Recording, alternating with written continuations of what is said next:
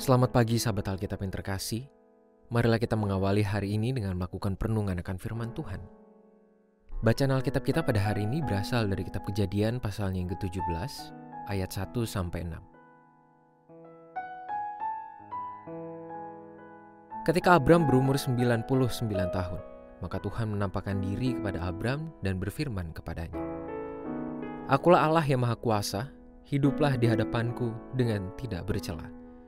Aku akan mengadakan perjanjian antara aku dan engkau, dan aku akan membuat engkau sangat banyak. Lalu sujudlah Abram, dan Allah berfirman kepadanya, Dari pihakku, inilah perjanjianku dengan engkau. Engkau akan menjadi bapa sejumlah besar bangsa. Karena itu namamu bukan lagi Abram, melainkan Abraham. Karena engkau telah kutetapkan menjadi bapa sejumlah besar bangsa. Aku akan membuat engkau beranak cucu sangat banyak. Engkau akan kubuat menjadi bangsa-bangsa, dan daripadamu akan berasal raja-raja. Pada sebuah hubungan kerja antara beberapa pihak yang terkait, maupun model hubungan lain yang melibatkan kepentingan lebih dari satu pihak, terdapat praktik perjanjian untuk memberikan penegasan secara jelas dan sah mengenai berbagai kesepakatan yang telah disusun sebelumnya. Biasanya, sebelum melakukan perjanjian secara legal, dilakukan sebuah tahapan untuk merancang MOU atau Memorandum of Understanding atau nota kesepakatan sebagai gambaran terhadap perjanjian yang akan dilakukan. Semua hal ini biasa dilakukan dengan harapan menciptakan keterhubungan yang saling menguntungkan atau saling mendukung di antara pihak-pihak yang terlibat. Lantas, apakah model perjanjian yang muncul dalam teks Kejadian 17 ayat 1 sampai 6 juga seperti demikian? Kita perlu menyadari terlebih dahulu bahwa perjanjian yang muncul dalam teks ini merupakan bentuk inisiatif dari Tuhan kepada Abram. Secara status dan posisi, kita juga perlu mengakui bahwa Tuhan tidak memerlukan keuntungan apa pun dari sosok Abram yang adalah makhluk ciptaannya.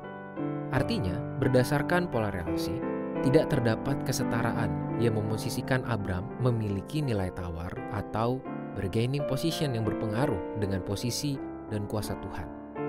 Namun inilah nilai unik dari tindakan perjanjian antara Tuhan dengan Abram.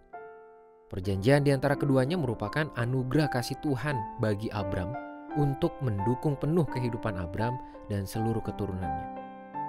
Kemudian, Tuhan juga tidak menuntut keuntungan yang perlu dicapai oleh Abram sebagai ganti terhadap tindakan yang Tuhan lakukan bagi Abram beserta keturunannya kelak. Bahkan pada ayat-ayat ini kita dapat melihat bagaimana Tuhan memberikan tawaran yang begitu besar, tidak hanya untuk Abram, melainkan juga bagi setiap keturunannya tanpa masa waktu.